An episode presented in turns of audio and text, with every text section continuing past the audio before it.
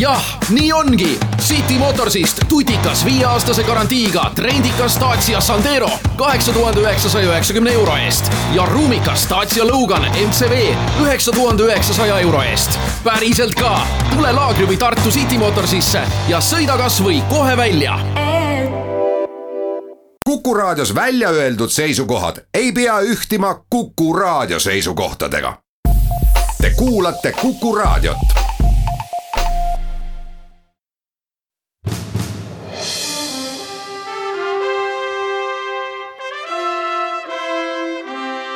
Vahetund Postimehega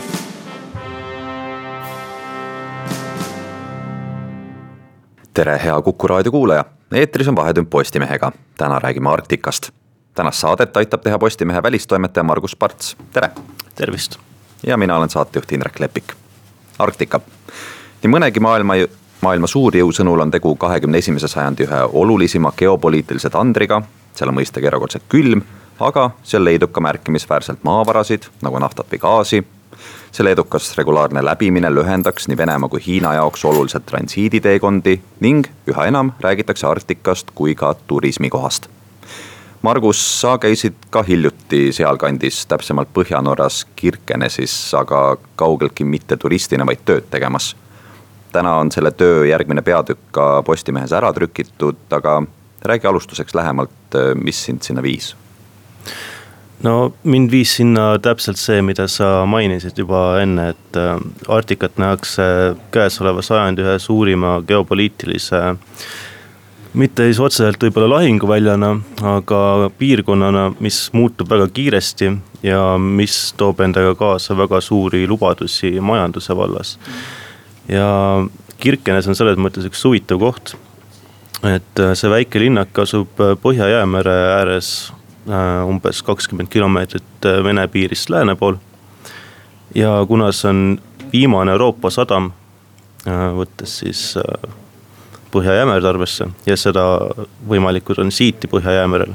siis loomulikult see linnake tahab teha kõik, et olla tuleviku eesliinil. Kirkenesi üks huvitav aspekt on muidugi see, et seal põrkuvad väga paljud erinevad huvid kindlasti räägime nendest huvidest äh, hiljem põhjalikumalt, aga olgu alguseks öeldud nii palju, et äh, lisaks äh, kohalikele majandushuvidele on seal ka väga suured huvid saamidel, kes tahavad säilitada oma traditsioonilist elulaadi ja kes on seal elanud aastasadu täpselt nii, nagu nad elavad.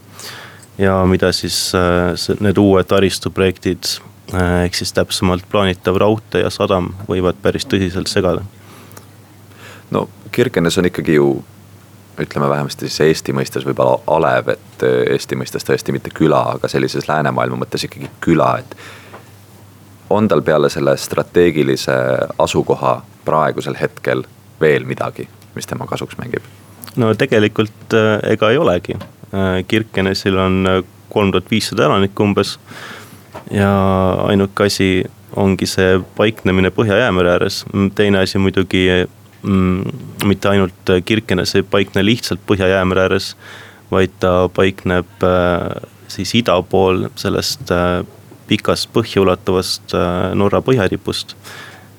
mis tegelikult on päris hea koht, kuhu laevad saavad randuda, seal on sügavad fjordid, sinna on üsna lihtne ehitada sügavaid sadamaid, mis suudaksid vastu võtta siis Põhja-Jäämerelt tulevaid laevu ehk siis ähm, strateegiliselt on tegu kindlasti jackpot'iga.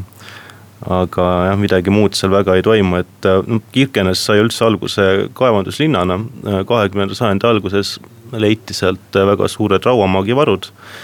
Äh, seal avati rauamaagi kaevandus, linn puhkes õitsele või õigemini siis tegelikult üldse tekkis linn, sellepärast et varem oli seal lihtsalt kaubavahetuspunkt ja kirik ja siis mõned majad aga siis linn kasvas jõudsalt, mingi hetk läks äh, kaevandus pankrotti. Äh, seda üritati üheksakümnendatel aastatel uuesti käiku panna, siis äh, juhtus sama, mis eelmine kord, ehk siis tuli pankrott. ja kuna inimesed on seal harjunud elama nagu tööstuslinna elu, ehk siis nad on harjunud sellega, et kaevandustes on tegelikult võrdlemisi kõrgemad palgad kui mujal. Ja see toob kaasa loomulikult teatud sellise priviligeeritud, priviligeeritud või mingisuguse nojah, ütleme priviligeeritud staatuse omamoodi siis tegelikult loodetakse ka praegu sellepärast nii palju nendele taristuprojektidele, et jätkata seda nii-öelda vana tuttavat eluviisi. no ma juhatan selle teema võib-olla lähemalt sisse, tsiteerides su tänase loo algust. läbi lumise Lapimaa vuhiseb kiirrong, sukeldudes aeg-ajalt tunnelitesse ning tõustes mitmekümnemeetriste viaduktide najal puulatvade kohale nii kujutavad Kirkenesi linna ja Soome ettevõtja Peeter Vesterbakk kontori arendajad ette Põhja-Jäämere äärset Kirkenest Lapimaa keskuse Rovaniemiga ühendavat arktilise koridori raudteeprojekti. ühesõnaga, see ei ole Oslo, kes Kirkeneses kõvasti arendust tahab teha, siin on meile tuttav Peeter Vesterbakka ja paistavad ka tegelikult hiinlaste kõrvad. Kirkenesi olukord on selles mõttes jah kummaline, et, äh, et kui üldiselt muidu võiks ju arvata, et nii grandioosseid projekte veetakse justkui riiklikul tasandil, siis äh, seal on täiesti vastupidi. Äh, sellega tegelevad kohalikud omavalitsused. Kirkenesi linnapea ja Sör-Värangeri siis omavalitsuse juht Rune Rahvalsen on väga tihedas kontaktis hiinlastega olnud juba aastaid. käivad delegatsioonid Hiina, siis omakorda hiinlased käivad äh, seal Põhja-Norras kuningkrabisid püüdmas ja muid lõbustusi tegemas.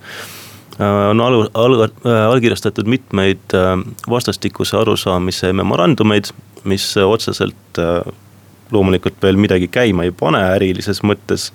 küll aga hoitakse nii-öelda pinda soojas. Ja jah, et Norra ja Soome valitsus justkui on asjaga tegelenud varem.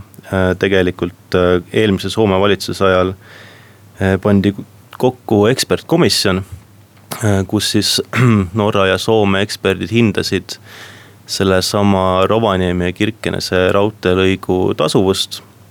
Ja siis selle aasta alguses leiti, et tegelikult see asi ei ole üldse majanduslikult jätkusuutlik, vähemalt praeguseid mahte arvestades ja kogu asi visati Soome valitsuse prioriteetide nimekirjast välja. Ehm, ja praegu see umbes niimoodi seisabki, et kohalikud üritavad seda asja nüüd edasi push ida. Ehm, küll Peeter Vesterbak abiga, kes teatavasti siis on Tallinna-Helsingi tunneli ehituse juures aktiivne või õigemini mitte aktiivne, vaid veabki seda.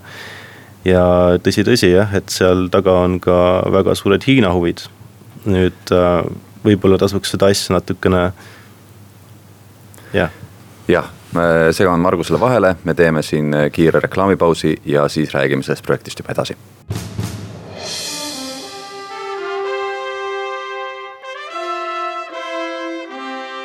Vahetund Postimehega. Ja jätkab Vahetund Postimehega, stuudios on Margus Parts ja Indrek Lepik, räägime Arktikast. No enne reklaamipausi me jõudsime taas kord Peeter Vesterbakani ja selleni tegelikult, kuidas Põhja-Norras veavad vägagi mastaapset äh, taristuprojekti sisuliselt äh, erainvestorid, kelle tagant siis tõesti paistab Hiina riigi raha. Mm, täistunni uudistel ju tegelikult äh, sai kuulda sedagi, kuidas RB Raili asjad ei lähe nüüd ülemäära hästi.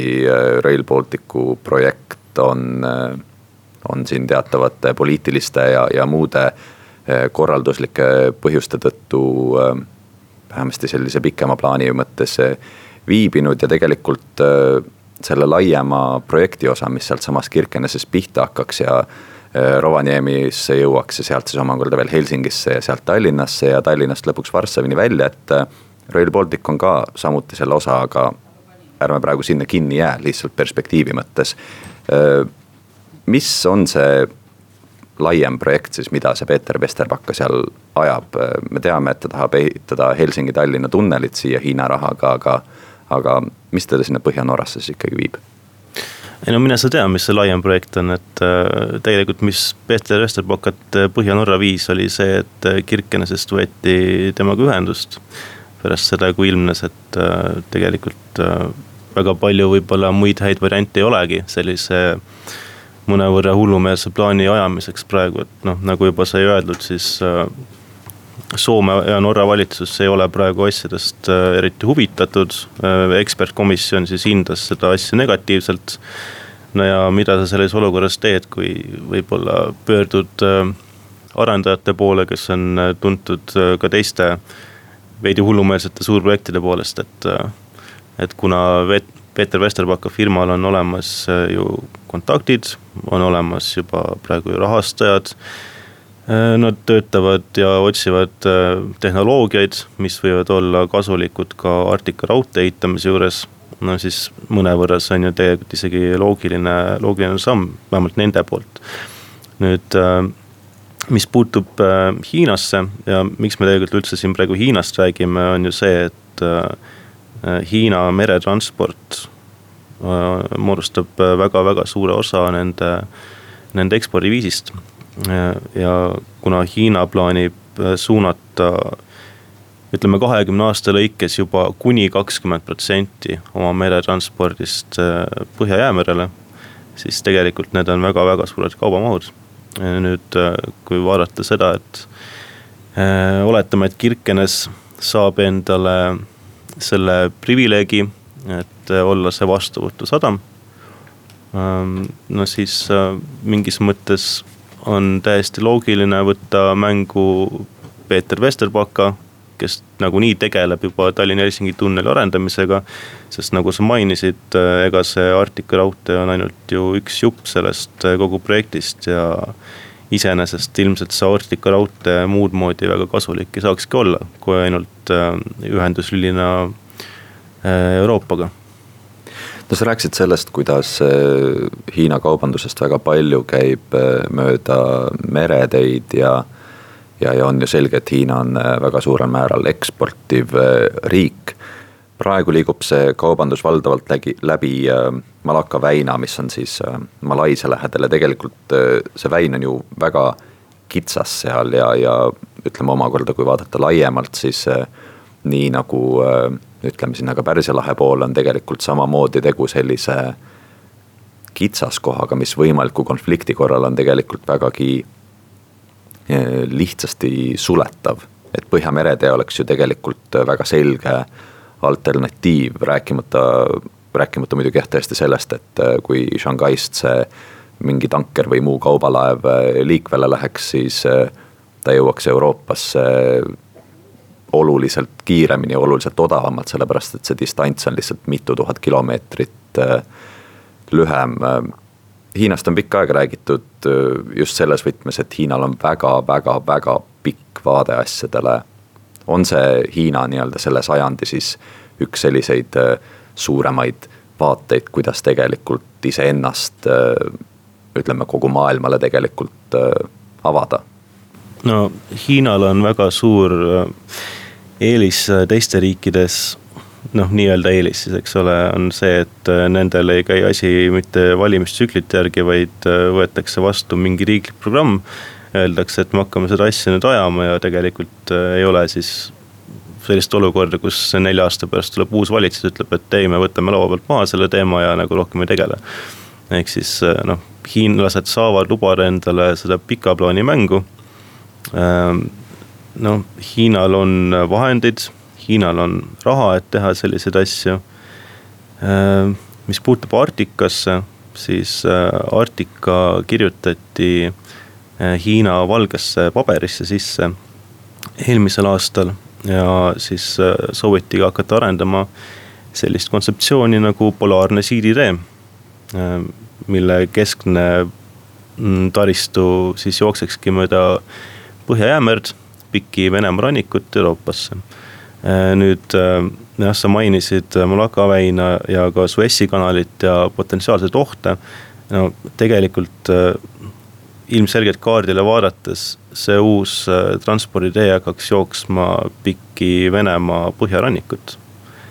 ehk siis tegelikult ju sõltub väga paljuski selles, kui head sõbrad on hiinlased venelastega.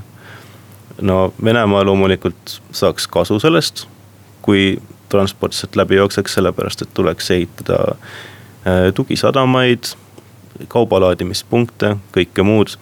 Äh, Venemaa on investeerinud väga-väga suuri summasid juba Arktika piirkonna arendamisse ja ka militariseerimisse. nii et tegelikult see on nii-öelda kahe teraga mõõk, et kui vaadata, siis jah, Lõuna-Aasia ja seal paiknevad siis ka ju Ühendriikide alused samamoodi põhjas paiknevad ju Venemaa baasid, et noh, hiinlased peavad tagama hea läbisaamise ka nendega. jah, sest et selge on ka see, et ega see kogu Arktika teema laiemalt ei ole ju, ei ole ju midagi uut, et hiinlased on tegelikult juba eelmise kümnendi lõpus teinud ähm, päris, päris aktiivseid samme. võib siin näiteks äh, välja tuua ka tegelikult seda, et äh, ütleme, tänaseks päevaks on küll finantskriisist päris palju aega möödas. aga kahe tuhande kaheksandal, kahe tuhande üheksandal aastal näiteks Island oli väga raskes olukorras ja tegelikult nii Islandil kui ka siis eh, Gröönimaal, mis siis tegelikult kuulub ju nii-öelda Taani jurisdiktsiooni alla. Neis mõlemas riikides on eh, hiinlastel päris eh, selged projektid sees, et, et nad on päris nii-öelda mitmesse korvi oma need munad paigutanud, et see Kirkenes on üks koht aga, aga neil on oluliselt äh, nii-öelda laiem äh, pilt sellele kõigele ja Hiina on tegelikult ka äh, viimase kümne aasta jooksul sidunud Arktika Nõukoguga, nii et tegelikult on, on selgelt nii-öelda sellises otsustajate ringis sees, koos siis noh, Venemaa, Kanada, USA ja, ja Taani ja, ja, ja Rootsi ja Soomegagi, nii et tegelikult on see ring seal väga lai, aga detailsemalt Äh, mis, äh, mis see nii-öelda Hiina plaan laiemalt on ja, ja mis on ka tegelikult äh, Arktika nii-öelda laiem tähtsus, mitte üksnes majanduslikult ja, ja transiiditeede mõttes, vaid ka näiteks turismi mõttes. sellest me jõuame rääkida pärast pooltunni uudiseid, praegu teeme pausi.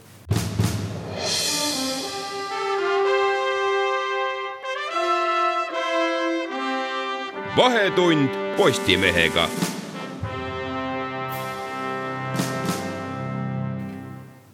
ja jätka Vahetund Postimehega. stuudios on Margus Parts ja Indrek Lepik, räägime Arktikast. no me oleme eelmise pooltunni jooksul niimoodi ääri-veeri sellest projektist rääkinud ja sellel on üks väga lihtne põhjus, nimelt ei ole ju päriselt midagi ehitama hakatud ja paljud äh, sellised äh, plaanid või, või, või ka sellised nii-öelda projektsioonid ulatuvad ikkagi aastakümnete taha. kahe tuhande viiekümnendasse, kahe tuhande kuuekümnendasse aastasse kasvõi aga üks palju tunnetatavam element on juba kaasa tulnud ja see on tegelikult turism. aga enne kui me turismini jõuame, jõuame, ma tahaks Margus su käest küsida, et seal Kirkeneses kohapeal olles, mis see, mis see nagu tunne seal on, kas on, on selline ääremaa tunne, on, on seal vastupidi selline tunne, et siin on midagi suurt äh, tulemas ja pihta hakkamas. Äh, milline see üleüldine õhustik on? tead, see tunne on täpselt selline, nagu sa oleksid äh, kolme tuhande elanikuga asulas kuskil Põhja-Jäämere ääres ja üldse mitte nagu halvustavalt mõeldes seda. sellepärast, et Põhja-Jäämeri on väga kaunis ja Kirkenes on väga ilus linn aga tunne on jah selline, et ega seal tegelikult ju noh, praegu ei ole mitte midagi näha, mitte ühtegi rööbast ei ole maha pandud, ühtegi silda ei ole ehitatud, et, et see noh, see on lihtsalt ideede tasandil.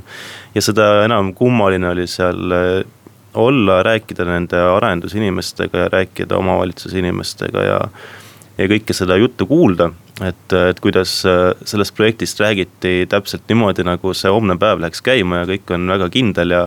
ja kõik on väga hästi ja, ja valitsuse vastuolud, äh, vastuolud valitsusega siis nagu ületatakse ja, ja mitte mingit probleemi ei ole. et äh, noh, tege-, tegelikult seal jah, ei, ei ole ju väga palju midagi ette näidata aga on sul siis selline tunne, et nii-öelda Norra keskvalitsus siis kuidagi nagu ei hooli sellest piirkonnast, et neil on vaja neid eh, nii-öelda Peeter Vesterbakat ja hiinlasi? ma ei usu, et Norra keskvalitsus ei hooli, aga, aga seesama Kirkenese linnapea Rune Rahvalsen on eh, kasutanud eh, korduvalt väga krõbelaid sõnu keskvalitsuse osas.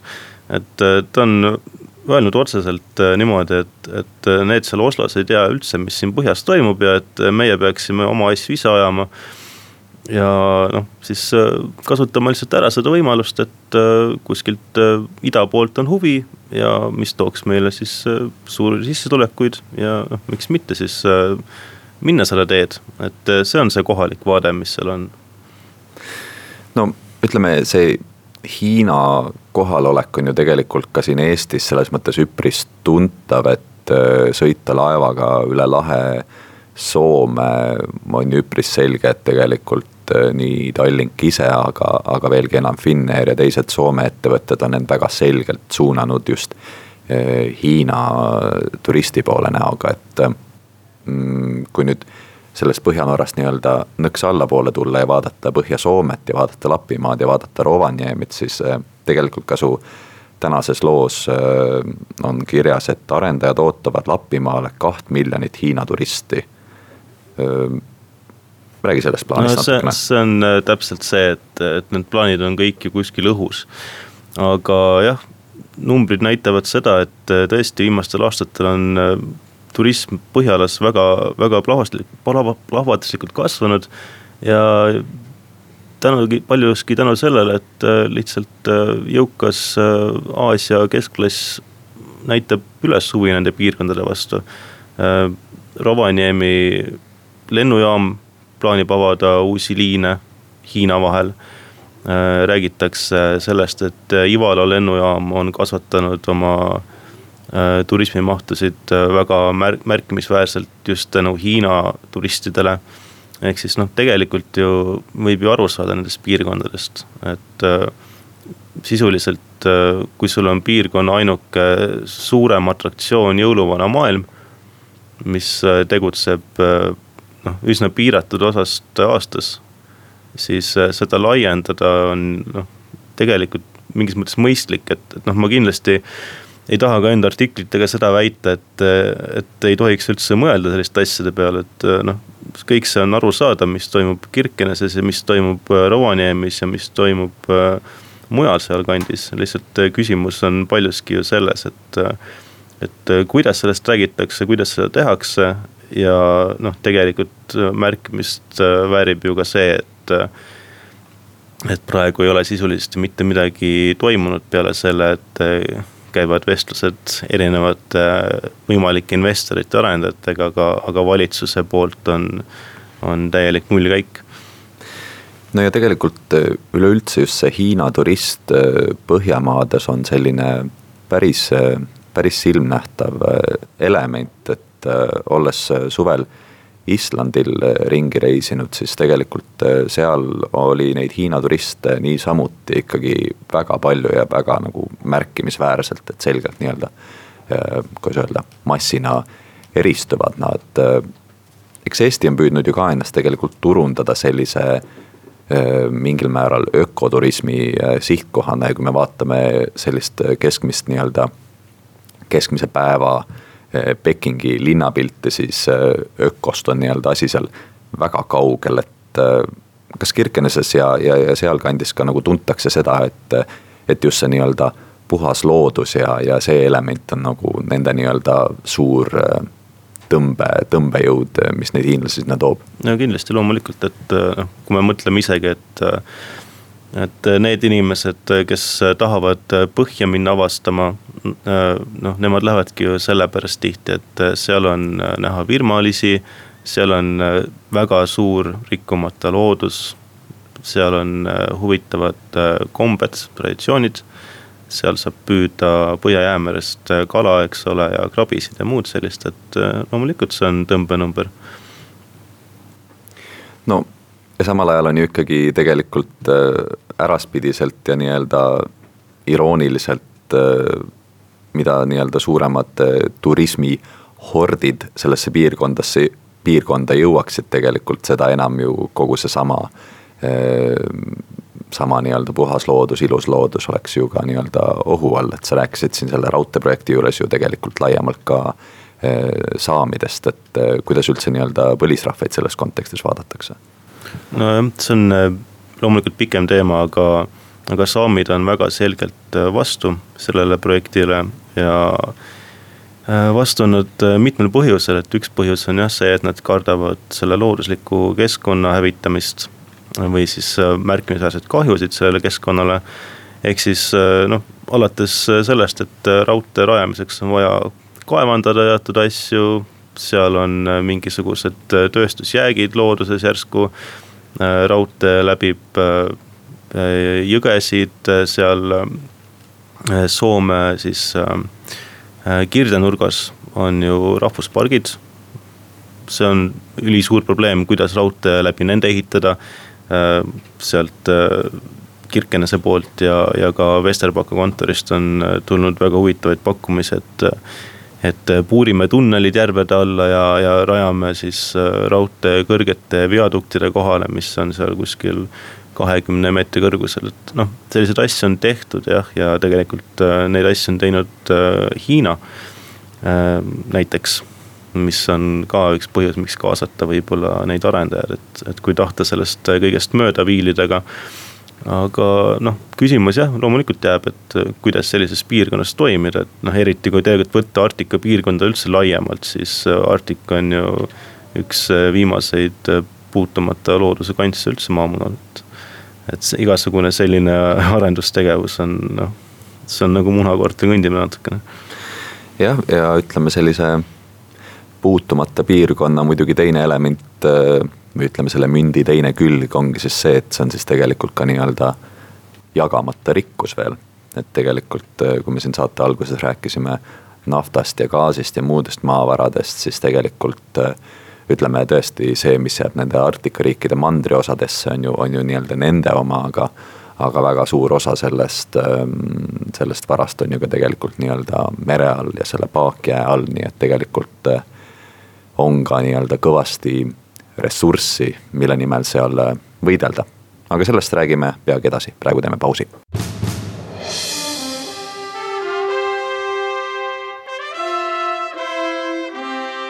vahetund Postimehega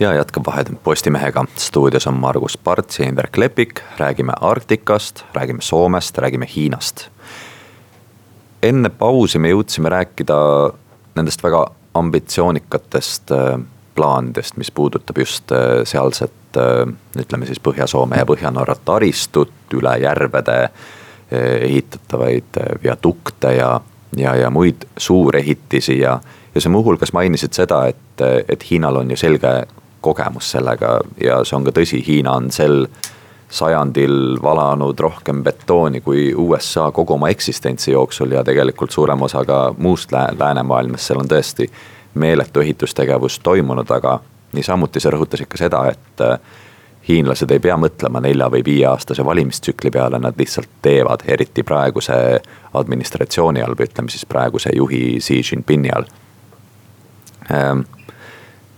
küsimus oleks võib-olla see, et väga raske on ju neid samu väga ambitsioonikaid plaane läbi viia riikides nagu Norra, nagu Soome, kus on väga tugev äh, demokraatia kogemus, väga suur õigusriigi kogemus ja, ja tegelikult selline võiks öelda täiesti vastandlik arusaamine asjaajamisest äh, võrreldes sellega, kui Hiinas need asjad äh, tehakse, et kuidas sa nagu tunnetuslikult hindad, eks seda ongi raske nagu lõplikult öelda, et et kas näiteks Soome valitsus või Norra valitsus üldse oleks lõpuni selle asjaga nõus, et me näeme ju tegelikult Eestiski, et ega, ega Eestiski valitsus ju ei taha seda tunneli, Tallinna-Helsingi tunneli projekti ülemäära tõsiselt võtta, sest et äh, ühtpidi on seal muidugi see nii-öelda Hiina raha laiem selline tajutav oht, aga, aga tegelikult ka sellised väga konkreetsed nii-öelda keskkonnahoiu probleemid, et äh, kui suur vastuvõtlikkus on üldse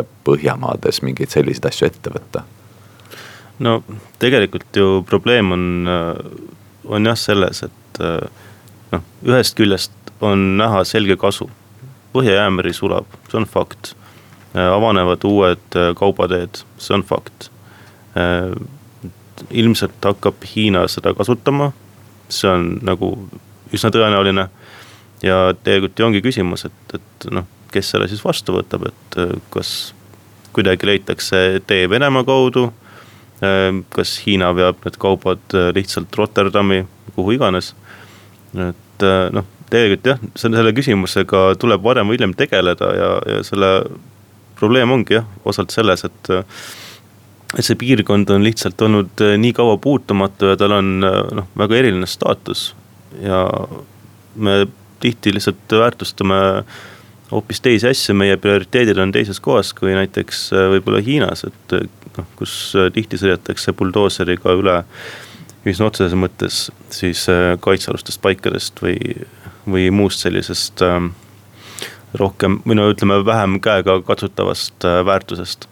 et kuidas Euroopas üksmeel leida ja, ja mida siis täpselt ja kas üldse midagi ette võtta nende võimalustega, et äh, see on, see on väga suur küsimus ja tegelikult see ei puuduta ju mitte ainult ähm, Soomet ega, ega siis Norrat, vaid see on Euroopa küsimus laiemalt. et äh, mida üldse, mida teha Arktikaga, sest äh, noh, me näeme neid muutusi, me näeme tegelikult väga suurt potentsiaalset kasu samas meil on üsna killustunud arusaam, killustunud prioriteedid ja kui me lihtsalt midagi ei tee, siis eh, noh, üsna reaalne tulem on see, et, et teevad teised.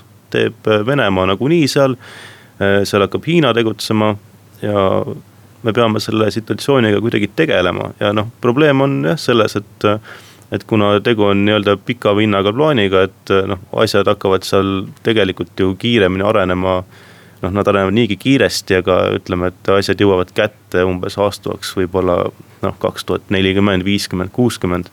Et siis noh, meile tundub see nagu mingisugune väga kauge tulevik, mis noh, tegelikult on ju kahekümne, kolmekümne aasta pärast, et. et võttes arvesse, kui suured need projektid on, kui suured need maa-alad on, mis küsimused on vaja lahendada, kui palju inimesi on vaja laua äärde tuua, kui palju on vaja mingisuguseid kokkuleppeid siis noh, tegelikult on ju viimane aeg hakata seda küsimust üldse arutama praegu.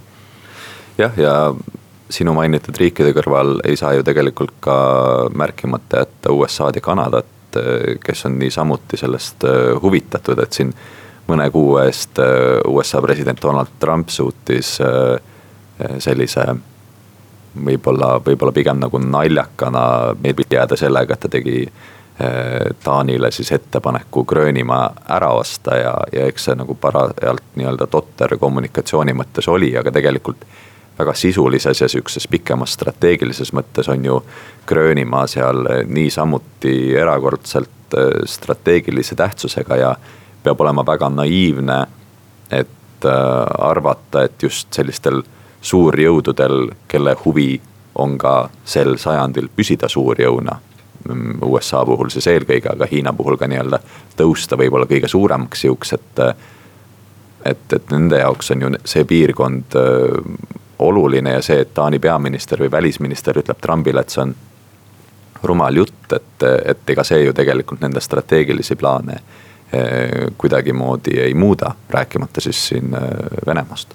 ja seda muidugi ja ega noh, Trumpi Äh, avaldus oli tehtud väga suuresti ka sellepärast, et noh vähendada Hiina mõju Gröönimaal, ehk siis noh, USA praegune administratsioon on ju teada-tuntud üsna Hiina-vaenulike seisukohtadega ja. Ja konkurents käib igal rindel ja noh, rääkides Kanadast, USA-st, noh üks põhjus, miks ma ei ole neid võib-olla nii palju maininud, on lihtsalt see, et, et noh, kuna me keskendume siin praegu rohkem sellele Põhja-Jäämere teele. aga noh, teine põhjus on ka see, et noh, vähemalt esialgu Põhja-Jäämeri sulab kõige kiiremini Euroopa poolsest küljest ja Venemaa poolsest küljest. nüüd noh, see Kanada arhipelaag ja, Gröönimaa piirkond äh, jääb pikemaks ajaks äh, jää alla. Aga see piirkond sulab samamoodi mingil hetkel lihtsalt ära vähemalt see püsijääkate väheneb seal nii tuntaval määral, et tegelikult räägitakse ka sellest, et äh, saab hakata üle põhjapooluse kaupa vedama, et noh, loomulikult kõikidel nendel riikidel on suured huvid seal.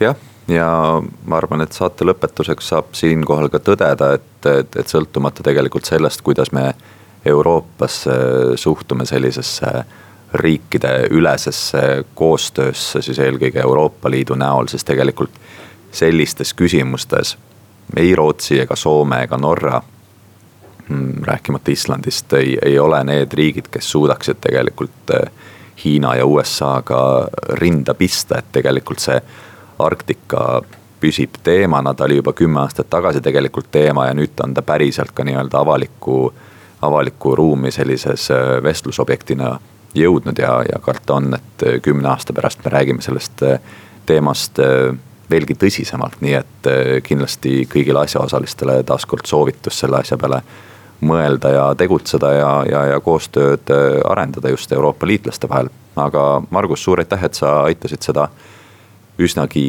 keerulist äh, teemat avada, nagu ma ütlesin, sellest jagub äh, jutuainest siin järgnevaks äh, paarikümneks aastaks, aga aitäh, Margus. aitäh.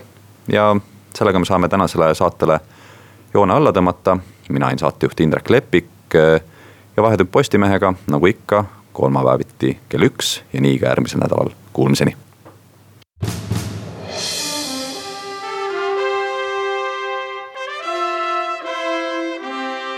vahetund Postimehega